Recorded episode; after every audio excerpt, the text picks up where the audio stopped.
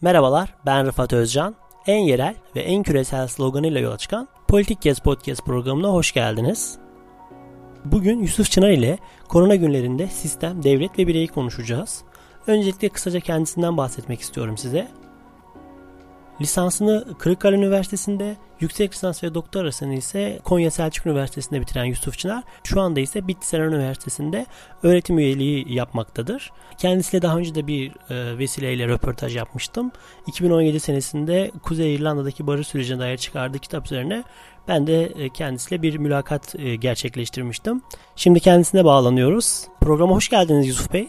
Hoş bulduk Rıfat Bey. Çok sağ olun, çok teşekkürler. Hocam bugün bildiğiniz üzere koronalı günlerde devlet, birey ve sistemi konuşacağız. İlk sorum da şu olacak. Yani sizce uluslararası toplum ve uluslararası sistemin kurumları bu koronalı günlerde nasıl bir sınav verebildi? Gerekli işbirliği ve uyum sağlanabildi mi bu dönemde? Öncelikle böyle güzel bir programa davet edildiğim için çok mutluyum. Onu ifade edeyim. Uluslararası topluma şöyle bir baktığımız zaman özellikle 1990 sonrasında dünyada artık işbirliğinin, birlikte sorunları çözme gücünün, özellikle işte liberal ideolojiyle birlikte bütün devletlerin birbirine bağımlı bir şekilde bağlanarak her sorunun üstesinden geleceğine dair bir mantalite yaratmıştı. Yani bunu nerede görebiliyoruz? İşte küresel ısınma oluyor. Örneğin diyorlardı ki küresel ısınma bu kadar tehlikeli olsa işte liberal devletler bu konuda çok daha büyük adımlar atardı. Örneğin en basit örneklerinden. Ama korona bunu tamamen yerle bir etti. Yani bugüne kadar uluslararası toplum hiçbir konuda bu kadar aciz kalmamıştı bana göre. Yani bunu nereden görüyoruz? Özellikle şimdi Dünya Sağlık Örgütü'nün korona sürecinde devletler arası ilişkilerde çok aktif rol oynayamaması veya hastalığın, e, virüsün yayılma sürecinde devletleri iyi bilgilendirememesi. Önlem alma konusunda düşünün yani dünya artık önceki dönemde NATO'yu örnek alalım e, Dünya Sağlık Örgütü'nden geçerek. NATO kendisini direkt işte silahlı mücadeleye adamış bir örgüt olarak karşımıza çıkıyordu. Birkaç kere kendisini yenilemeye dönük farklı şekilde terörizmi karşısına koydu, farklı araçlarla kendisini yaşatmaya çalıştı. Ama şunu hiç düşünememiş. Korona döneminde İtalya'nın düştüğü durumu nasıl açıklayacağız örneğin? Çünkü NATO gibi bir örgüt normalde Batı'nın sembolik değeridir. Böyle bir örgüt korona döneminde hiçbir şekilde bu tür biyolojik silah olarak kullanılabilecek virüslere karşı bir programının olmadığını gördük. Bir tane daha örnek vereyim size. Dünya Gıda Örgütü mesela. Yani e, e Dünya Gıda Örgütü'nün normalde bu süreçte çok daha faal olması lazım. Özellikle şimdi gelişen ülkelerde para, gelişmiş ülkelerde para parası olan gıdaya ulaşabiliyor. Ama parası olmayan ülkeler ne yapacak? İnanamayacaksınız. Dünya Gıda Örgütü'nün bu konularda krizi yönetmek için ayırdığı bütçe yanılmıyorsam 100 milyon dolar civarında. Yani bununla neyi ne, e, ne kadar e, yönetebilirsiniz? Yeterli mi? Değil. O zaman uluslararası toplum bu tür özellikle biyolojik, kimyasal saldırı veya işte virüs gibi ataklara karşı hiçbir planın olmadığını görüyoruz. Çok hafife alınmış ve hafife alındığı için de şu an dünyaya o kadar hızlı yayıldı ki bir anda e, hani e, iktisatta bir kavram var talep şoku diye bir anda korona şoku yaşanmaya başladı dünyada. Çünkü hiçbir önlem yok. Sadece bekle gör politikası uygulamaya başladı devletler. Yarın bir gün hani belki koronavirüsü kontrol altına tamamen alındığında diyecek ki bütün devletler işbirliğiyle yaptık. Ben öyle olduğunu düşünmüyorum. Her devlet realiz kuramda olduğu gibi kendi başının çaresine bakmak zorunda kaldı. Ve bu da ister istemez akıllara özellikle İspanyol gribinin işte 1918'lerde 50 milyon civarında insanın ölümüne sebep olduğu dönemi hatırlatıyor. Ne tesadüf ki 100 yıl önce 50 milyon kişi ölmüştü. 100 yıl sonra da koronavirüsüyle sonunun nerede biteceğini bilmediğimiz yeni bir virüsle mücadele dönemi başladı. Yani tarih bazen tekrarlarla hani noktası noktasına değil ama e, benzerlikleri iyi görmek, iyi okumak lazım. O dönemde de biliyorsunuz İngiltere gücünü toparlama adına girişimlerde bulunuyordu ama sonrasında bir baktık ki güneş doğmayan imparatorluk bir anda dünya sisteminden ağır ağır elini eteğini çekmiş duruma gelmişti. Acaba yeni bir dönem mi başlıyor? Bunu da buradan okumak gerek diye düşünüyorum. Ya bundan sonra peki uluslararası sistem sizce konudan sonra nasıl etkilenecek? Nasıl bir uluslararası sisteme evrilebilir bu dönemden? Ben orada şunu söyleyebilirim. Şimdi mesela iki kutuplu sistemde dünyada devletlerin atacağı adımlar önceden üç aşağı beş yukarı belliydi. Yani kriz olduğunda devletler arasında kırmızı hat çekilir o krizi çözmek için devletin en üst bürokratları devreye girerdi. Örneğin Doğu blokunda Sovyetlerin haberi olmadan kuş bile uçamazdı. Aynen batıda olduğu gibi. Amerika'nın bir haberi olmadan Türkiye'de bir darbe girişimi söz konusu dahi olamazdı. Ama işte yeni dönemin anahtarları burada duruyor. Yeni dönemde biz çok kutuplu dünyaya bence yelken açtığımızı düşünüyorum. Yani bunun göstergeleri nelerdir? Mesela yeni normal diye bir kavram çıktı. Ben bu kavramı çok önemsiyorum. Belki uluslararası ilişkiler literatüründe ilerleyen süreçte yeni normal kavramı çok fazla kullanılacak. Yani önceki dönemdeki şartlar artık yok ve yeni şartlara göre dünya devletleri kendi davranışlarını, yürütmek zorunda kalacak. Bu da bize şunu gösteriyor. Daha fazla çatışma, daha fazla kriz, daha fazla düzensizlik ve artık biyolojik, kimyasal, ekonomik saldırılar daha fazla şiddetlenebilir. Yani bizim örneğin korona öncesinde Doğu Akdeniz'den size örnek vereyim. Doğu Akdeniz'de örneğin enerji araştırmaları yapılıyordu. Çok büyük dev firmalar işte Rum kesiminden, işte kendi firmalarımız Türkiye'den gidip araştırma yapıyordu. Ama korona ile birlikte petrolün varil fiyatı 20 doların altına inince bu firmaların hepsi araştırmaları durdurdu. Dolayısıyla artık yeni dünya düzeninde yeni yeni e, etkili kavramlar göreceğiz, etkili üretimler göreceğiz, etkili krizler göreceğiz ama bunun hiçbirisi tutup da Doğu Akdeniz'de önceki kadar çatışmayı bize e, sağlamayacak. Niye? Çünkü enerjinin fiyatı düştükçe farklı yollar bulunmaya başlanılacak. Daha farklı alternatifler gündeme gelmeye başlayacak.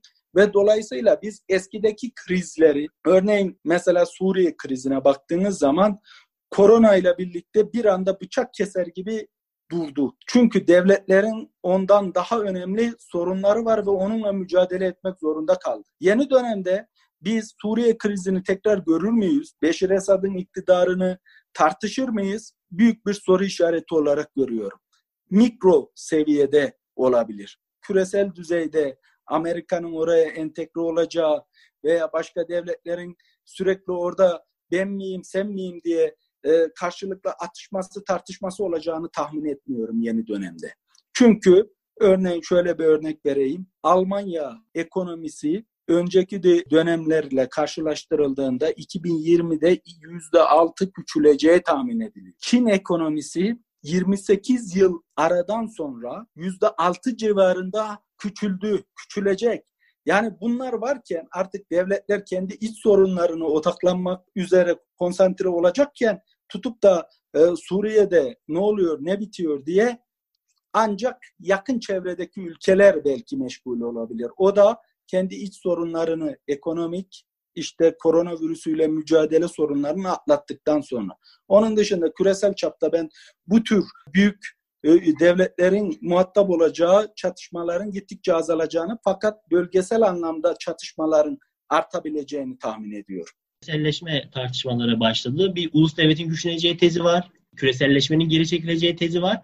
Bir de üçüncü olarak da ulus devlet merkezi bir küreselleşmenin e, daha etkin olabileceği konuşuluyor. Siz bu konuda ne düşünüyorsunuz hocam? Şimdi benim aslında bu konuda görüşüm çok net. Şimdi geçmiş dönemlerde e, Foucault'un Deliliğin Tarihi adlı bir kitabı var. Veba döneminde yaşananlara dikkat çeker. Orada de, e, der ki ne zaman e, Avrupa'da bu tür veba veya işte hastalıklar artarsa devletlerin otoritesi otomatikman artar. Doğru bir tez. Artık ulus devlet adında hani bu krizde devletler kendi ideolojilerinden sıyrılarak otoritelerini arttırmaya başladı. Yani en kısa örneği şöyle vereyim. Örneğin İngiltere'de Boris Johnson kriz ortaya çıktığında, korona krizi ortaya çıktığında dedi ki liberal bir tavır ortaya koyarak biz buna karşı serin kanlı olacağız. ve ağır ağır bekleyeceğiz dedi. Sonra bir baktı ki işin önlenmesi mümkün değil. O zaman hemen liberal ideolojiyi bir yana bıraktı.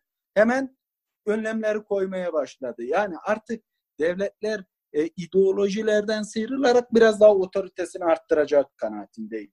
Ama bununla birlikte şunu e, söyleyebilirim sana. Özellikle Avrupa'da sosyal devlet tandansına yakın olan, dünyada sosyal devlete yakın olan Türkiye gibi mesela bu krizden daha sağ salim, daha az kayıpla çıkacakları tahmin ediliyor. Bu da ister istemez liderlerin e, biraz daha e, sanki ideolojiden sıyrılarak otoritelerini arttıracağı yeni bir döneme yelken açılacak gibi gösteriyor. Çünkü örneğin dünyada en kötü yöneten ülkelerden birisi İtalya'dır.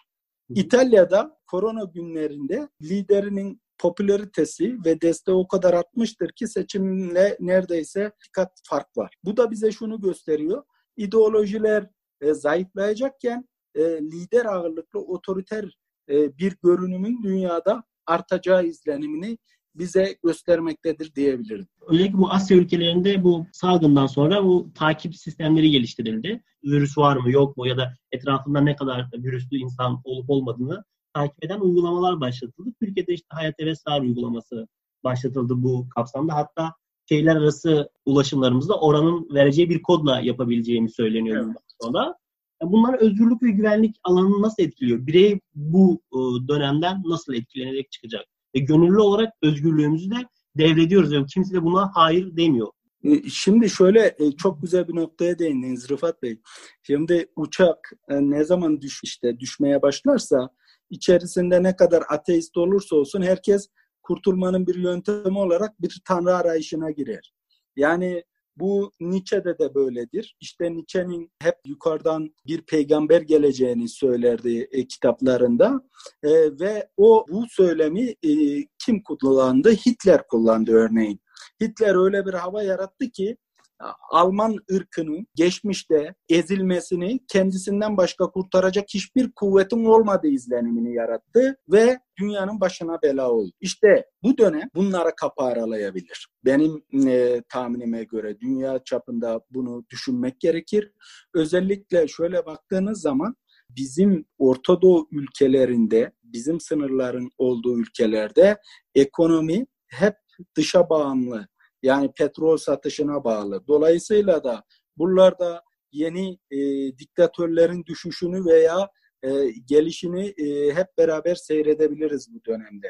E, dolayısıyla oradan şuraya geleceğim. Özgürlük mü güvenlik mi denkleminde maalesef insanoğlu büyük ihtimalle yani büyük bir oranla özgürlüğünden çoğu zaman vazgeçerek güvenliğe kendi limanını açabilmekte. Bu da işte otoriter rejimlerin dünya çapında ciddi şekilde güç ve kuvvet kazanmasına sebep olmaktadır. Dolayısıyla ben yeni dönemde, bu yeni normal dediğimiz dönemde insanların ters bir hamle yaparak, güvenlikten vazgeçerek ben özgürlüğü tercih edeceklerini tahmin etmiyorum. Çünkü bu yeni dünya düzeni bir nevi insanların hani geleceğini geleceğini sadece devletlerin garanti altına alabileceği bir yapıyı vaat ediyor gibi görünüyor. Yani önceki dönemlerde küreselleşme bize devleti devlet olsa da olmasa da e, işte e, ağ gibi bağlanmış bir yapıyla bize o kadar mutlu mesut bir gelecek vaat etti ama o film kısa sürdü gibi görünüyor. Yani küreselleşme buradan e, güçlü çıkabilir mi? E, bu otoriter yapıların arttığı dönemde ticaret artabilir. İşte insanların e, giriş çıkışı daha çok kontrol altına alınabilir. Böyle dikotominin çok fazla olduğu bir yeni dönemi yaşayacağız gibi geliyor bana. Çelişkilerin bol olduğu, e, işte e, özgürlük güvenlik ikileminin sık sık gündeme geleceği ama hep güvenliğin kazanacağı, otorite ve demokrasi e, tartışmasında bir nevi demokrasinin suçlu bile çıkabileceği yeni bir otoriter yapının dünya çapında e, güçleneceği yeni bir dönemi görecek gibiyiz. Çok teşekkür ederim hocam programa katıldığınız için. Son olarak eklemek istediğiniz bir şey var mı bu konu bağlamında? Ben son olarak şunları 3-4 madde halinde e, özetlersek hı hı. bir kere ideolojilerden sıyrılan devlet tırnak içerisinde devletin dünya çapında güçleneceğinin altını çizmekte fayda var. İkinci olarak e, dünya çapında korona döneminde sosyal devlet ciddi şekilde gücünü arttırdı. Bu da devletin ister istemez otoritesine pozitif etki yapacaktır. Üçüncü olarak küresel dünyada bu kadar ekonomi küçülürken e, obezitesini atarken, işsizlik ciddi derecede artarken promilliyetçiliğin ciddi derecede yeni bir e, tehdit olarak ortaya çıkacağını biz ciddi şekilde göreceğiz. Ve son olarak uluslararası örgütlerin çok da çalışmadığını, pandemiye bir nevi hazırlıksız yakalandıklarını, kendilerini yenilemek zorunda kalacaklarını düşünüyorum. Özetle bu beş maddeyi de saymış olalım. Sağ olun, çok teşekkür ederim hocam. Gayet güzel oldu. Ben teşekkür ederim her şeyi özetlediniz. Sistem Devlet ve Birey konulu programımızı burada bitiriyoruz. Bizi dinlediğiniz için teşekkürler. Bizi Spotify, Google ve Apple Podcast'ten takip etmeyi de unutmayın. Kulağınız bizde olsun.